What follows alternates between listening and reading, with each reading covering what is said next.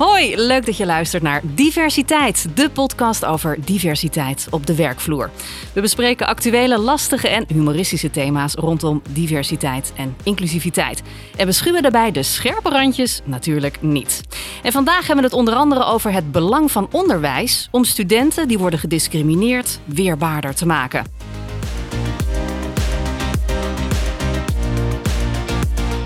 Mijn naam is Hannelore Zwitserloot en aan tafel zitten natuurlijk ook weer om mee te praten vanuit hun eigen bedrijf en ervaringen. Okko Leiding, Managing Director van Harvey Nash Nederland. En Renzo Deurlo, oprichter van Green Fox Social Return. Welkom weer. Dankjewel. Jullie hebben bijzonder veel energie vandaag, dus dat wordt een leuke aflevering. Het zit aan de bovenkant vandaag. We zijn er klaar voor. Ja, ja, ja, geen koffie meer. En deze keer is onze gast Amin Assad. Hij is spreker en docent.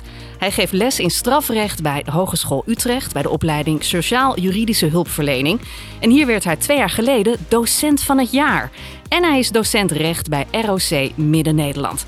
En hij schreef het boek Alles voor jullie, dat onder andere gaat over hoe hij met zijn ouders uit Irak moest vluchten. En op zijn website lees ik een dankbare blik op het leven, oog voor de ander en zin in je dag. Nou, uh, we zijn dankbaar dat je er bent. We hebben ogen en oren voor jou. En we hebben er zin in, toch? Absoluut. We zijn er. Welkom, Amin. Dank je wel. Laat ik beginnen bij het begin. Jij Yes. komt uit Irak. Hoe oud was je toen je in Nederland kwam? Nou, dan moeten we inderdaad een stukje terug de tijd in. Ehm, mijn ouders die komen oorspronkelijk uit Irak. Eh, en in de jaren zeventig in Irak hadden ze een heel goed leven. Ze hadden een geweldig leven, wat ik eigenlijk van ze begreep. Mijn vader had eh, zijn studie afgerond en ze trouwden met elkaar. En als kerst op de taart kregen ze een zoontje, mijn broer. Het leven was gewoon geweldig. Maar in het Irak van toen en eigenlijk ook stiekem in het Irak van nu, daar maken ze gebruik van een soort van klassensysteem. Dat het bloed dat door je aderen stroomt, dat staat ook geregistreerd in je papieren. Dus bijvoorbeeld bij mijn moeder, die is oorspronkelijk Arabisch, haar ouders zijn Arabisch. Dus in haar papieren staat klasse A-burgers, een klasse A-burger Arabisch bloed. En bij mijn vader, die, zijn vader, een vader daarvoor, die komt oorspronkelijk uit Iran. En in zijn papieren staat dan klasse D-burger, Iraans bloed. En hij had er eigenlijk nooit last van. Hij was volledig eh, geïntegreerd, hoe we dat hier zouden noemen. Alleen van de een op de andere dag veranderde het regime in Irak. En toen kwam Saddam Hussein aan de macht. En die zei eigenlijk een ieder met Iraans bloed moet direct het land verlaten op straffen van executie. Morgen om 12 uur staat de doodstraf gepland. En het is super onwerkelijk. En ik zeg het altijd zo makkelijk, maar ja, wat te doen? Dus eh, Ja, dan stort je Ja. wereld in op dat moment. En dan, ik probeer het me wel eens voor te stellen. ja, en dan heb je kinderen. En dan denk je, ja, we moeten nu letterlijk rennen voor ons leven. Ja, inderdaad. Dus eh, hij zegt tegen mijn moeder van blijf jij maar hier. Ze moeten mij hebben. Waarbij mijn moeder terecht stelt van ja, maar en onze zoon dan? Wat moeten we daarmee? Ja, Stond daar ook iets van een klasse dan in zijn paspoort weer? Hoe, hoe werkt ja dat? het bloed was gewoon gemengd. Dus restte mijn moeder eigenlijk geen, geen keuze. Een hartverscheurend verhaal. Ze, ze ging daar in die straat waar ze ook woonde, woonde, ook, woonde ook haar eigen moeder. Die bussen kwamen voorrijden en ze, moest, ze stapte als eerste die bus in. En iedereen stond er te krijsen van alsjeblieft ga niet weg. Ja, echt. Nu nog steeds 40 jaar na dato als ik mijn moeder vraag van ma, hoe was dat? Het enige wat ze kan zeggen is eh om je wat in het Arabisch betekent eh, mijn moeder. Ze ging daar, een 19-jarige vrouw, eenjarig jochie als zoontje. Ze heeft alles achtergelaten wat haar bestaan had gevormd op dat moment. Is hartverscheurend. Ja, bizar. Maar eenmaal gevlucht kwamen ze aan in Iran. Daar kreeg ze een tweede zoontje, mijn tweede broer. We zijn met drie broers, alle drie in een ander land geboren. Maar in Iran en Irak kregen oorlog met elkaar. Toen zeiden ze, jullie moeten ook weg uit... Oh, moest je daar ook weer weg? Zeiden ze tegen mijn moeder, maar jij komt eigenlijk uit Irak. Ja. Dus hier ook weg. Nou, naar Syrië toe gaan, daar ben ik geboren. Maar dat gebied daar, het Midden-Oosten, was super onveilig. Dus mijn ouders besloten, moeten weg uit dit gekwelde gebied. En toen hebben ze een hele moeilijke beslissing gemaakt. Toen hebben ze alles ingeleverd wat ze hadden. Mijn moeder had nog zo'n klein bruidschatje en zo. En toen zijn ze naar Europa getrokken. Ze kwamen aan in Nederland, hier warm opgevangen in 1988. Nederland had net het EK Ik gewonnen. wou net zeggen, dat jaar kennen we goed. Ja, ja, ja. Van had ons met de allermooiste doelpunt alle tijden de EK Absoluut. winst gebracht. Dus hier was het ook Hosanna, welkom, kom verder. Toen kreeg ik mijn huis aangeboden ergens in het noorden van het land, in Middelstum. Maar mijn ouders zijn stadsmensen. Zeiden ze, mogen we misschien naar het centrum van het land? En daar kreeg ze een huis aangeboden in Nieuwegein. En in dat huis, daar wonen ze nog steeds. En naast dat huis heb ik mijn huis gekocht. En daarnaast goed. mijn broer. Echt? Dus van ver gekomen is een understatement. Jeetje. En hoe, hoe ging dat op school? Nou, toen wij aankwamen in Middelstum, eh, ik kan het nog herinneren, elke dag was het ding dong, hier gehaktballen, lekker, eet maar. Of ding dong, hier moeten we die jochies helpen met, met Nederlands. Ja, we werden heel goed opgevangen. Eh, en toen kwam ik op een basisschool terecht, uiteindelijk in Nieuwegein. En ja, dat, ik had het daar gewoon altijd goed. Het was altijd gewoon leuk. Eh, maar mijn ouders, die zijn gewoon niet zo, eh, die spreken niet zo goed Nederlands. En eh, die hebben een enorme trauma meegemaakt. Dus we, ja, ik, ik ben nooit voorgelezen of zo in de, in de avonden of iets dergelijks. We waren bezig met we made it, weet je wel. Primaire levensbehoeften, veiligheid. Laat staan nog die overtreffende trap van zelfontwikkeling en zelfontplooiing. Nee, dat was er nog niet. Dus ja, ik was niet zo talig. Maar ik was wel een slim mannetje. En dat, dat, dat bracht me best wel in de knel. Ja, want hoe, eh, waar, waar zorgde dat voor? Want eh, je, je sloot de basisschool af en toen ging je naar het VWO? Nou, dat een tussenstap.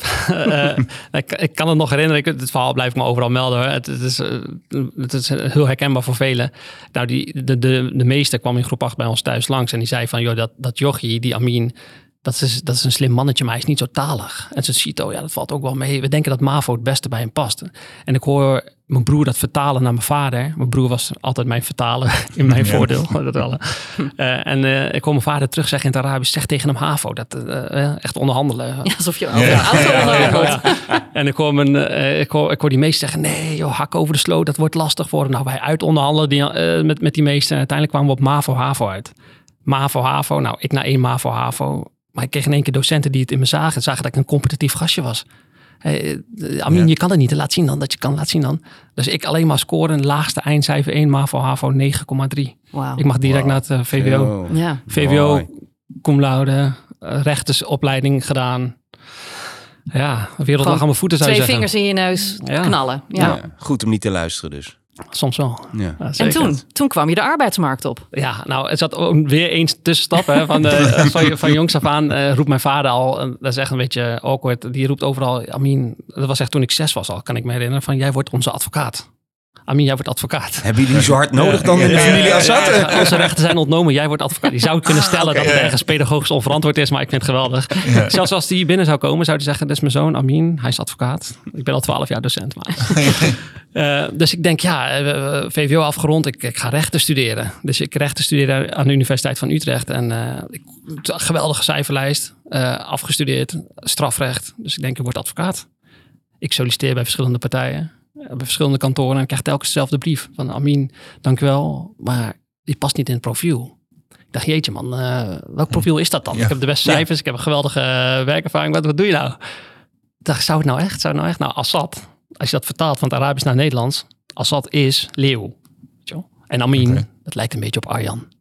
Ja, ja. Oh, dus voelde hem aankomen. Dus ineens ging Arjan Ja, Leeuw dus, eh. Dus, ik, dus Amin Assad werd Arjan de Leeuw. en ik stuur exact diezelfde brief naar exact diezelfde bedrijven. En ik word overal uitgenodigd. Nee joh, Bij al die bedrijven. wat erg. Echt? En, dat En welk pijn. jaar hebben we het nu over? Toen ik afstudeerde. Praten we echt alweer 2012, 2013. Dat is niet eens zo lang geleden. Dat is dus. niet zo lang geleden. Jeetje. Maar dit is ook exact het verhaal wat ik vertel aan mijn studenten. Want ik ben nu docent. Want wat is nou de boodschap van dit verhaal? De boodschap is niet ga daar in het hoekje zitten, ga maar huilen en kijken hoe oneerlijk de wereld is. Volgens mij is de boodschap hier. Stel jezelf de vraag, wil ik wel werken bij die werkgever? Ja. Want ik heb uiteindelijk voor geen van die allen gekozen. Ben je wel op, op het Nee, gesprek gegaan? Nee, ook niet. Dat ze denken, goh, wat is er met Arjan Nee, nee, gebeurd? nee. Heeft hij heel lang in de zon gezeten? en zijn haar. Nee, Ja. eh, nee, nee, ik ben uiteindelijk niet gegaan. En eh, ik heb uiteindelijk wel een leuke baan gevonden. Als, eh, Is iemand die daarop op heeft gereageerd?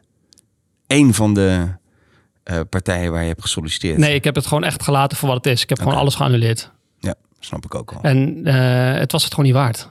En dat, is, dat probeer ik dus ook mijn studenten te vertellen. Jongens, blijf jezelf de vraag stellen. En het, kijk, discriminatie komt echt vaak voor. En vooral ook, ik merk het elke dag met studenten met een migratieachtergrond. Dat ze ergens solliciteren en dat ze niet worden aangenomen. Jantje solliciteert, Mo solliciteert. Maar Jantje wordt aangenomen om moverende redenen. Niemand weet precies wat aan de hand is. Mijn enige boodschap naar Mo is Mo... Het grootste gevaar is niet dat jij geen baan vindt of geen stage vindt. Echt niet, Mo. Het grootste gevaar is dat jij jezelf zielig gaat vinden. Ja. Want zo'n slachtofferrol kan zomaar de rest van je leven aan je blijven kleven. En dan ga je bepaalde mooie opties in je leven missen. Ja. Moeten we voorkomen, man. Je bent meer waard dan dit. Meer Ja. waard dan dit. Dus Dat dat is mijn, mijn, mijn boodschap. We moeten waken voor het slachtoffergevoel. Waken voor... En hoe waak je daar? Hoe, hoe wapen jij jouw, jouw leerlingen? Het is een kwestie van weerbaarheid. En het is zo moeilijk. Ja, ik heb twee, twee jonge dochters ook. En als, als je mezelf de vraag zou moeten stellen van... Hey, hoe, hoe creëer je nou zelfvertrouwen bij iemand? Dat is de moeilijkste vraag. Hoe laat ik mijn dochter nou geloven dat zij de beste is? Dat ze in zichzelf gelooft. En dat is een hele ingewikkelde vraag. Ja. Maar het, ik denk wel dat het te maken heeft met het, het telkens blijven benoemen. Als je bijvoorbeeld een tegenslag krijgt en je benoemt het niet. Ja, het is het metafoor dat er een deuk zit in het zelfvertrouwen. Maar doe je er niks aan, dan blijft die deuk net zo diep. Maar ga je Ja. het benoemen, ga je het bespreken, ga je zeggen van joh, ga je inzetten op succesmomenten, ga je inzetten op talenten, zoeken van joh, dit kan jij wel. Dan zou die, die deuk, die blijft bestaan, maar zou die misschien iets minder diep zijn. Dus ik denk dat het, dat het benoemen en het in gesprek blijven gaan met die studenten en ook vanuit het onderwijs het bewust zijn dat dit echt ontstaat. En net dat, dat dit er is, dat dit een hele belangrijke is. Amin, ik, ik, ik waardeer enorm je ga niet in de slachtofferrol. En ik denk dat dat een heel groot onderdeel van, van de oplossing is. Maar, maar er zit ook een element aan, zoals je net aangaf in je eigen ervaring. Ja, dit, dit, dit is gewoon niet goed. Nee. eh, eh, eh, hoe, hoe kunnen we daar aandacht voor hebben? Dus hoe kunnen we met, en, en ik ga het in hele harde termen zetten, met de dader aan de slag, terwijl het slachtoffer niet een slachtoffer wordt? Ja. Begrijp wat ik bedoel? Ik begrijp goed wat je bedoelt. Ja, het is een tweesporenbeleid, denk ik. Tweesporenbeleid in die zin dat wij als overheid, als samenleving, als maatschappij moet hier, hier tegenop moeten staan. Dit Ja. moeten we elke keer blijven benoemen. We moeten het in de media blijven brengen. We moeten sanctioneren daar waar nodig. We moeten interventies laten, laten plaatsvinden. En onze minister Robert Dijkgraaf is daar nu hartstikke goed mee bezig. In blijven zetten. We hebben een stagepact onlangs gesloten, ook met elkaar, waarin echt bedrijven zelfs hun erkenning kunnen verliezen. Oké. Dus dat, is, dat is het ene, ene, ene spoor. Het andere spoor is dat we als onderwijs, als opvoeders, als diegenen die om die studenten heen staan, dat wij moeten inzetten op weerbaarheid, op zelfvertrouwen, op geloof, op vertrouwen. Dat het goed komt. En dat is een, nogmaals een tweesporenbeleid wat je samen parallel aan elkaar moet nemen om de kans te verkleinen dat dit soort dingen ontstaan. En dat discriminatie er is en altijd zal blijven, dat is een feit. Maar hoe ga je Ja. ermee om? Ja, maar het is ook wel lastig, want ik kan me voorstellen als je eh, als jongere bijvoorbeeld hebt gestudeerd, jouw ouders zijn misschien gewend dat ze gediscrimineerd worden. Die leggen zich erbij neer of voelen zich wel een slachtoffer. Dus die krijgen niet mee vanuit huis van kom op. Dus dat is dan wel een hele eh, duidelijke taak ook voor nou, jou als, als docent en eigenlijk alle docenten natuurlijk, om dat om te draaien. Ja, dat, Want je krijgt het van huis uit niet mee misschien. Absoluut. En daarom ligt er zo'n belangrijke rol in het onderwijs. Kijk, ik, ik blijf het maar zeggen. Eh, docentenrol, het helaas is het in, in waardering en erkenning achteruit gaan in Nederland. Eh, als we kijken naar Scandinavische landen, het beste wat je daar kan zijn, is het zijn van docent. Nou, hier in Nederland, daar waar we jaren geleden van daken afschreeuwden dat we zo'n geweldig onderwijs hebben, nou, de- helaas is dat niet meer zo. Maar ik geloof er oprecht in dat wij docenten een bevoorrechte positie hebben. Absoluut. Ik denk dat wij met de juiste benadering een nieuwe generatie positief kunnen vormgeven. Met de juiste touch. En hoe groot is dat? En wat gun ik het mijn dochters van 6 en 7 dat ze straks zo'n docent krijgen die verder reikt dan alleen de stof van de dag. Die inzet op dat wat onmeetbaar is, dat geloof en vertrouwen en, en weerbaarheid. Geweldig. Nou, als elke docent er zo in zou staan, dan zouden we een geweldige generatie Ja, kunnen iedereen opvoeden. onthoudt altijd die ene leraar of lerares Precies dat. die in jou geloofde. Allemaal. Absoluut. Heb jij vroeger zo'n docent gehad? Nou, ik, ik heb eh, ehm, verschillende goede docenten gehad. En ik heb wel ook echt eh, ehm, niet echt eentje die, die, waarvan ik zeg, nou, die heeft mij echt eh, om. Je stelt er nu al in één keer twintig teleur, dat snap je. Ja, ja, ja, zeg alsnog, meer dan 20. Piet. Ja. nou, het was vooral, vooral mijn, mijn, mijn familie, mijn ouders en mijn, mijn broers die om mij heen stonden en mij altijd hebben laten geloven dat ik meer waard ben dan, dan een tegenslag. Eh, en laten inzien van dat tegenslagen erbij horen en dat we verder moeten gaan. Dat we ook sterker worden en dat we soms misschien inderdaad 1-0 achter staan, maar dat dat helemaal geen, geen ramp is. En misschien heb ik een andere context. En daarom be- begon je ook zo mooi met een dankbare blik op het leven. Nou, die dankbare blik op het leven, dat, dat leeft prettig. En dat zorgt voor dat je ruimte creëert om in verbinding te staan met de ander. En dat je in oplossingen denkt. En dat gun ik in ieder. Vandaar dat ook mijn lessen altijd beginnen met dat studenten moeten zeggen waar ze dankbaar voor zijn. Al is het dat je een plek had in de bus. Een soort van mindset, mindset Ah, ja, ja, verandering. Ik doe dat ook met mijn dochter. Ja. Soms aan het eind van de dag noemen ze drie dingen waar je vandaag eh, dankbaar voor Ja. was. Ja. Zo belangrijk. Ja, het zes Absoluut. minuten dagboek inderdaad. Ja. Ja, ja met drie. eh, Een vorm van reflectie. ja, Ja. mooi. Ja. En Mooi. hoe vertalen we dat naar de werkvloer? Ja, Nou, kijk, Hè, want dan kom je de arbeidsmarkt op Ja. en dan? Nou, dan kom je de arbeidsmarkt op en dan ga je op de automatische piloot in eh, veel gevallen. En dat is jammer. Ik denk, ik, eh, even vanuit het onderwijs, dat ik mijn studenten zo zie doorgroeien naar een stageplek en daarna naar een arbeidsplek. Ik blijf ze eh, erop wijzen dat ze altijd moeten, ehm, of zichzelf moeten afvragen van waarom doe ik wat ik doe. Blijf jezelf altijd de vraag stellen welk verschil wil ik maken. Kom, beland niet in die automatische piloot. Dus een vorm van zelfreflectie is volgens mij essentieel om een hele rijke eh, arbeidsomstand, eh, arbeidsplek te kunnen vinden en daar ook te kunnen floreren. Dus reflectie, zelfreflectie. Het is zo'n een, haast een verloren kunst tegenwoordig, maar zo belangrijk. En wat raad je bedrijven aan die juist openstaan voor een hele diverse doelgroep en een, enorme mooie mix aan mensen? Hoe kan je dat nou goed ja, voor de bühne krijgen om juist die, eh, ja, die voorkeur eh, te hebben voor de nieuwe generatie? Nou, die bedrijven raad ik aan, ga vooral zo door. Ga vooral zo door met, met het inzien dat diversiteit een kracht van innovatie en van ontwikkeling is. Eh, het, het bij elkaar halen van verschillende smaken, dat versterkt. Dat is krachtig. En het, eh, dat die bedrijven dat al inzien. Ik hoop alleen dat het als een olievlek gaat over alle andere bedrijven. Dat zou ik alleen gunnen. Ja, mooi. Streepje voor. Ja, zeker. Nou, dat is natuurlijk in de ideale wereld zo. Maar in de praktijk werkt het vaak toch net even anders.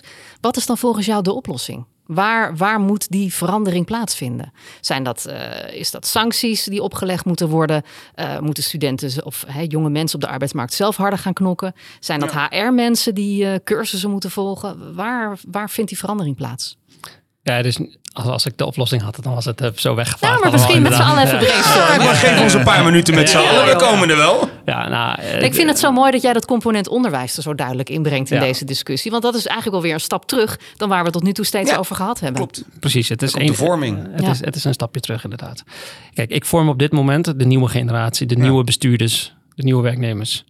Daar moet alvast een bepaald soort zaadjes worden geplant. Dat, dat doe ik. Maar er is ook een realiteit. En in die realiteit, in die bedrijven, in die HR-cultuur, waarin keuzes worden gemaakt wie aan te nemen en waarom en op welke redenen. Daar wil ik zo graag aan vragen aan die, aan die beslissingsbevoegden. Ga eens op zoek naar jezelf. Ga eens vra- vragen vanuit welk perspectief jij bepaalde beslissingen maakt. Neem eens een zoektocht in jouw eigen bedrading om te kijken van tot welke conclusies kom ik. Welke keuze maak ik telkens? En dat vraagt nogmaals een bepaalde zelfreflectie vanuit van bestuurders, vanuit HR-medewerkers. Maar hopelijk kan die zelfreflectie bepaalde blinde vlekken laten zien en daardoor de keuzes weer echt kunnen relativeren en kunnen aantonen. Dus het is wel weer de mate van zelfreflectie. Kijk, verschil begint denk ik wel bij, bij jezelf. En ik, ik kan de hele tijd, ik kan de, de, de, de boze wereld aanwijzen, wat dan ook. Maar het- ik ben verantwoordelijk voor mijn eigen daden. En dat het inderdaad soms heel moeilijk is. En we hebben jarenlang natuurlijk en nog steeds last gehad van dat vrouwen bijvoorbeeld niet in de top kwamen. Ja. Nou, als, het, als je echt merkt dat het jarenlang niet gebeurt, jarenlang niet, dan heb, heb je gewoon na verloop van tijd een interventie nodig. Zeg jongens, we proberen, we- we, benoemen het overal, we zijn er allemaal mee bezig, maar het lukt niet. Oké, huppa, bam, dan, daar, daar komen tien vrouwen in de top daar. Verplicht. Kom maar, maar jullie doen het blijkbaar niet uit jezelf. Want de grootste dooddoener, dat is de allergrootste dooddoener, is nee, we selecteren op kwaliteit. Ja. Wat zeg je daar nou precies? Dat, select, dat kwaliteit maar in één pool aanwezig is of zo? Ja. Ja, dat is bizar. Ja. Hè? Nou, ik moet zeggen, ik kreeg laatst een opdracht. En eh, diegene die mij belde, die had als laatste zin... Ja, en dat is echt perfect, want we hadden ook nog geen vrouw. Toen dacht ik, Ja. nou, oké. Het was een heel leuk Het gesprek. was een heel leuk gesprek. Maar nu twijfel ik toch een beetje om de Ja. reden waarom ik daar dan bij kan zitten. Nou, ik had het net met Renzo over. Leuk dat je zegt, want er wordt nu veel eh, aan me gevraagd eh, over van, nou, Amin, lijkt het je ook leuk om een bepaalde bestuurders, bestuursrol te pakken? Ja. Eh, want daar, daar, begint, daar begint verandering en dan, is, dan, dan weet ik ook wel graag, ik, ik weet wel waarom ze dat graag willen. hè. Amin heeft een kleurtje en wel bespraakt en misschien ook nog een leuke opleiding daarvoor. Ja. Eh, maar ergens in mij eh, geeft dat toch wel het gevoel dat ik niet word geselecteerd dan op de kwaliteit. En dat is wat je ook aangeeft. Eh, maar ja, aan de andere kant misschien moet ik me open inzetten. Ik net zeggen, je weet dat ik er iets anders over denk. Ja. Ik denk dat het juist een, een, een, eh, een prachtige manier is om Amin te leren kennen. Om te zien dat iemand die eh, zowel een ja, Irak, Iraans eh, en een Syrische achtergrond heeft. Om te kijken wat een enorme toevoeging die kan zijn voor een bedrijf. En nu ja, weten ze het gewoon niet. Ze lezen wat over je en dan houdt het op. En nu maken ze je dagelijks mee bij het koffiezetapparaat misschien wel. Ja, en dat is een bepaald proces wat ik persoonlijk aan het aangaan ben. En eh, ik, ik ben ook op, op zoek naar van wat bij me past. En, heel veel geld vragen. ja, Dat maakt schaarste. Ja, ja, dat is ook ja. goed. Schaarste is goed. ja, inderdaad. Maar is dit ook niet, je, als je door een eigenschap eh, tegenslag hebt gehad en nu werkt het een keer in je voordeel, ja, laat de wereld zichzelf uitbalanceren, pak, pak dan ook een keer het voordeel. Klopt. Ja. En dat, is een, dat, dat proces, daar zit ik nu ook echt in. Ja. Want ja, het, het, het zal wel inderdaad... We, kijk, ik, Iets met dankbaarheid voor de kans. Ja, ja, inderdaad. Ja. En grijp het maar gewoon. Ja. Ja. we moeten ook voorkomen dat we mensen gaan demoniseren. Hè. De, de, de, de witte man van 50, hoe het tegenwoordig wordt genoemd. Die, die- Je bedoelt Renzo. ja, Ik ben, het is heel jammer dit. ja, nou, nou, maar die, die Als oudste inderdaad voel ik me inderdaad behoorlijk aangesproken. Maar ik ben geen 50 hè. Oh, nee. Ja, nee, maar die, 49. die komen ook bij mij van Amin, eh, help ons hiermee. Want eh, hoe, diversiteit, inclusie is een heel lastig onderwerp aan het worden. En we hebben het gevoel dat, dat we bijna niks meer kunnen zeggen. We zijn handelingsverlegen. Ja. Eh, Ja, en, en dat is ook weer, de, ja. dat is ook weer de keerzijde van dit hele verhaal. Eh, tuurlijk, men moet opkomen voor, voor het recht en voor, voor, wat je nodig hebt. Maar het, we moeten ook weer niet alles op één kant gaan schuiven van, nou, daar, daar, daar is de boosdoener. Ik denk dat we gewoon met z'n allen eruit moeten komen. Eens. In de dialoog. Precies dat. Heb jij nog een, een praktische tip voor degene die nu deze podcast luistert om inclusiviteit te bevorderen in zijn of haar bedrijf? Nou, eh, praktische tip is, is, eh, is lastig. Maar eh, kijk, diversiteit is een, is een vorm. Is, is een, volgens, volgens mij is dat gewoon een gegeven. Je bent divers, per definitie. Iedereen is anders. Het interessante is natuurlijk inclusie. Je wilt ervoor zorgen dat een ieder in jouw organisatie, in jouw maatschappij, in jouw samenleving zichzelf kan zijn. Zichzelf kan voelen. Dus ik denk dat we ons moeten focussen op het inclusief zijn van een bepaalde organisatie. En soms inderdaad, in bepaalde lagen, ik merk dat in het onderwijs heel erg. In het onderwijs heb je bijvoorbeeld binnen de docentengemeenschap heb je een enorm diverse gemeenschap. Dus je hebt heel veel verschillende soorten docenten met een verschillende soort afkomsten. Ga je één laagje hoger eh, in het management en directie, dan wordt het best wel een homogene gemeenschap. Mhm. Eén soort. Ja, dan hebben we weer de blanke, de blanke man. Ja, ga je nog één laagje, Maar dat komt misschien omdat de Amins zeggen, nee, ik wil nog Ja. niet. Nou, en dat is, eh, dat is wel een hele interessante. Want inderdaad, want Amins die, die, die, die kijken naar de cultuur binnen het management. En die kijken naar de, Ja. de cultuur Ja, binnen. Ja, binnen, het. binnen het Ja. bestuur. En dan raak ik een bepaald soort pl- cultuurplafond. En denk ik, ja, Ja. In, in deze cultuur, eh, ik voel me daar ook wel weer een outsider. Word ik hier wel gelukkig van? En dan ben ik al aan de andere kant ben ik weer dan aan het klagen. Denk ik, ja, jeetje man, dan krijg je de kans, eh, dan kan je verandering maken. Loop ik weer te zeiken over een of andere eh, cultuur. Ja, of zo. wees nou eens dankbaar. Ja, Amin. weet je, hou eens iets mee op, man. Ja. Maar dan zeggen, voor de leerlingen die luisteren naar deze podcast, de volgende keer dat Amin begint met zijn les, begint hij met zijn dankbaarheid voor het aanbod van deze functie. Nee, maar dat is wel een interessante term die je daar dropt. Het, het cultuurplafond. Ja, Ja, is dat, hebben we daar echt last van in Nederland? Ja, nou, ehm, mensen dus met een... Ik spreek even voor mezelf hoor. Eh, ik maak het even heel persoonlijk. Ik, ik eh, word gevraagd voor een bestuursfunctie ergens, eh, bedrijf X. En dan kom ik in die cultuur en daar, daar, hou- daar houden ze bijvoorbeeld van borrelen en met elkaar een bepaald soort grapjes en een bepaald soort eh, ehm, omgangsnormen. Die haak staan op, ja, haaks, eh, anders zijn dan wat ik gewend ben. Ik ben een vreemde eend in de bijt. Meestal is het echt eh, één, of één kleurling voor diversiteit. Eh, Ja. Dus dan haak ik na een tijdje af. Ja. En dat heeft niks met kwaliteit of competentie te maken, want ik weet zeker dat ik dat kan. Ik weet zeker dat ik mee kan met, met diegenen die daar besturen. Alleen, ik haak af omdat ik na een tijdje niet meer met plezier naartoe ga. Wat daar precies de oplossing voor is, dat weet ik ook niet echt. Want aan de andere kant kan, je, kan ik zeggen van ja, eh, pas me gewoon aan aan die cultuur. Ik pas me gewoon aan en ik ga daar gewoon zitten en ik ga met, met een tegenzin naar mijn werk. Maar aan de andere kant, ons kostbaarste bezit in het leven is tijd. Ja. Ik Ja. heb geen enkele zin om iets te gaan doen Ja, met zo'n enorme tegenzin. Weet je wel? Dus ik maak dan de afweging voor mezelf vanuit de reflectie. Moet ik dit willen? Ja. Maar ik, maak, ik, ik besef me goed dat veel HR-mensen hier naar luisteren. En die vragen zich nu ook af, ja, Amin, wat zeg je nou precies? Wat Ja. moeten we hier nou mee? Wat Ja. moeten we hiermee? Nou, ik heb een kleine praktische tip eh, voor de mensen die bij ons op kantoor niet drinken. We hebben gewoon twee hele mooie waterpijpen. Ja, en dan gaat gewoon een blikje bier tegelijk met de waterpijp gaat in de fik. En je dat kan is, toch ook gewoon thee serveren? Ja, ja. ja, maar als iemand dat nou lekker vindt, hetzelfde als roken. Je hebt mensen die wel roken, mensen die niet roken. Het is toch heel praktisch? Dan ga je met z'n allen buiten staan borrelen. Ja, die, moet het ook niet moeilijker maken dan het is. En zo'n waterpijp is een stuk goedkoper dan een treetje bier. Dus Nee. eh, Ga jij dan aan de waterpijp gemaakt. bij Nee, nee, nee, nee. Nee, ik Echt nee, niet? nee, nee, nee. Ik heb een onwijs lekkere meloensmaak. Ja, ja. Als jij doet, doe ik het ook. Eh, maar wat, wat is dan de oplossing? Thee drinken inderdaad? Of hoe, hoe gaan we dat aanpakken? Nou, dat is eigenlijk misschien wel hetzelfde voorbeeld als, als vrouwen in de top. Eh, als enige vrouw in een mannenwereld eh, voelt het ook vervelend. Mhm, Weet ik alles van. Ja. Ja. Eh, misschien geldt dat ook voor mensen met een migratieachtergrond of mensen met kleur. Misschien moet je niet de enige zijn. Hm. Misschien moet je met z'n meerdere zijn, zodat je de cultuur een soort van vermengt met elkaar. En in plaats van alleen maar jezelf aanpassen. Want ik wil ook gewoon mezelf kunnen zijn Ja. in een Ja. bestuur. En terecht. En ik wil ook gewoon mijn visie kunnen geven. En ik wil ze ook meenemen vanuit mijn bedrading, die misschien anders is, maar niet slechter. Maar misschien gewoon een ander soort inzicht. Dus ik denk ook altijd van. Probeer meer in te zetten. Ja, kijk, het is een vorm van positieve discriminatie wat ontstaat. En daar ben ik ook geen voorstander van. Hè. Eh, Positieve discriminatie is, is, moeten we ook niet willen. Alles Nee. wat discriminatie is, is per definitie slecht. Maar laten we het maar interventie noemen. Een interventie als iets niet lukt. Als we allemaal van mening zijn dat Ja, mooi. diversiteit goed is. Als Ja. we allemaal willen dat er meer, mens, meer vrouwen in de top zijn. Of meer mensen met kleur in de top zijn. En ook beslissingsbevoegd zijn. Laten we een interventie laten plaatsvinden. Waarin we meerdere mensen in een bestuur zetten. En hopelijk daardoor een bepaald cultuur veranderen. Zodat sommigen geen cultuurplafond meer voelen. En met interventie zeg je, de wetgever moet gewoon een regel stellen, x percentage. Nou, er zijn verschillende wegen die naar Rome leiden. Het kan zijn dat, eh, eh, kijk, dat opleggen vanuit de wetgever, dat is zo, daar ben ik geen voorstander van eigenlijk. Dat, dat, helder. ik, ik Nee, denk, niemand. Maar ja, als het Ja. moet, dan moet het. Even. Maar ja, maar ja, inderdaad. Maar stel voor dat het is- eh, even in een situatie is, dat we tien jaar hier verder zijn. En nog Mhm. steeds merken we allemaal, iedereen is het over eens. Ja, we, we- we zien nog steeds geen verandering. Ja. Wat moeten we dan? Ja. Er komt een moment dat we men moeten gaan verplichten als ze niet mee willen doen. Ja. En daar moeten we voorkomen. Ik hoop dat de cultuur al tussentijds verandert. Ja, en jij zegt mik dan niet op 10%, maar meteen op 50%. Ja, maak er dan een gezonde balans van. Hm. Maak er een gezonde balans van, zodat we die cultuurplafond niet voeden. Die ik nu voel. Ja, En geloof me, ik kan echt wel. ik kan, Ja. ik kan echt, echt een bijdrage zijn. Ik kan echt een verrijking zijn voor een bestuur.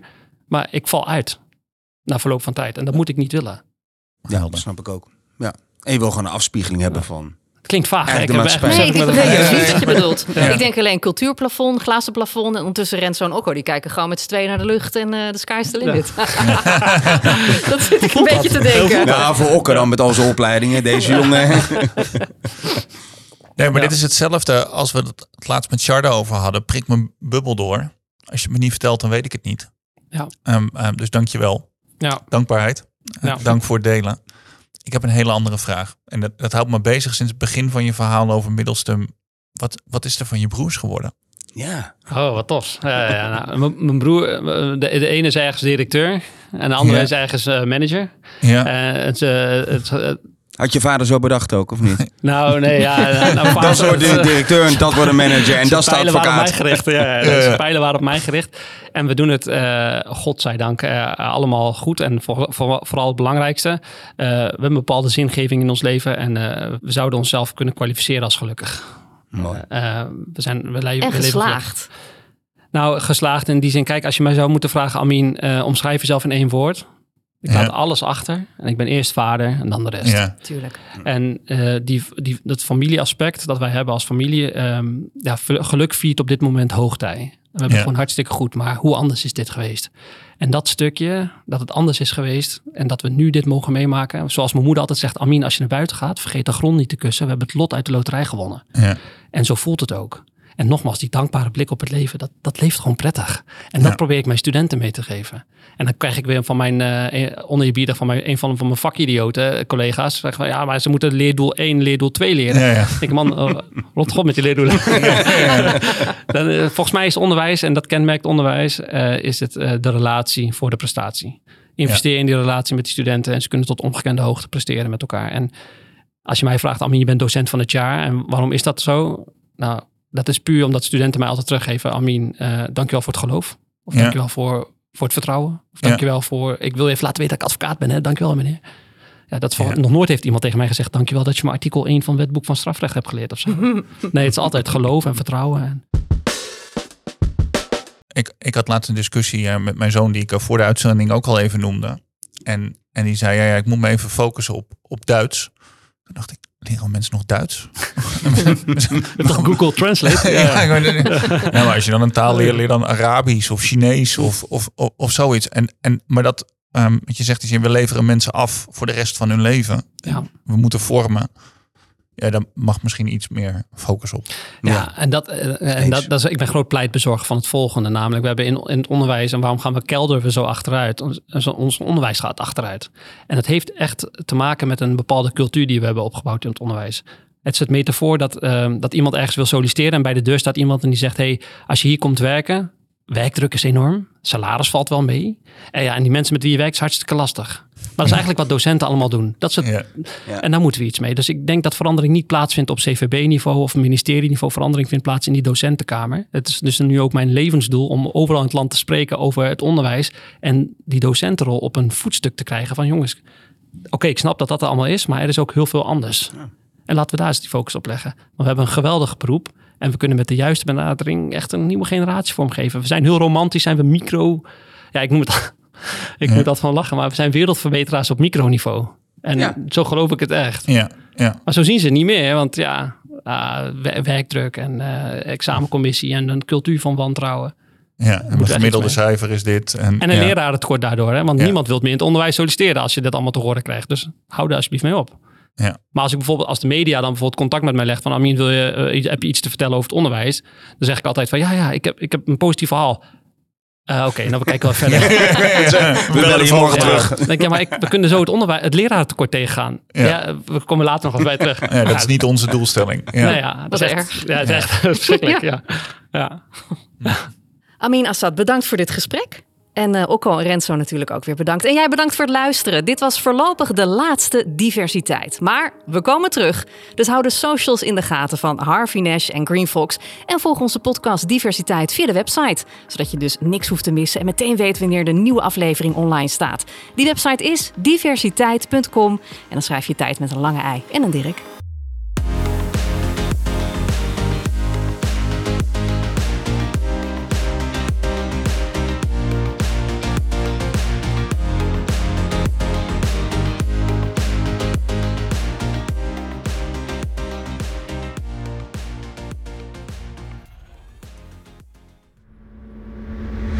Deze podcast is met trots geproduceerd door Content Leaders.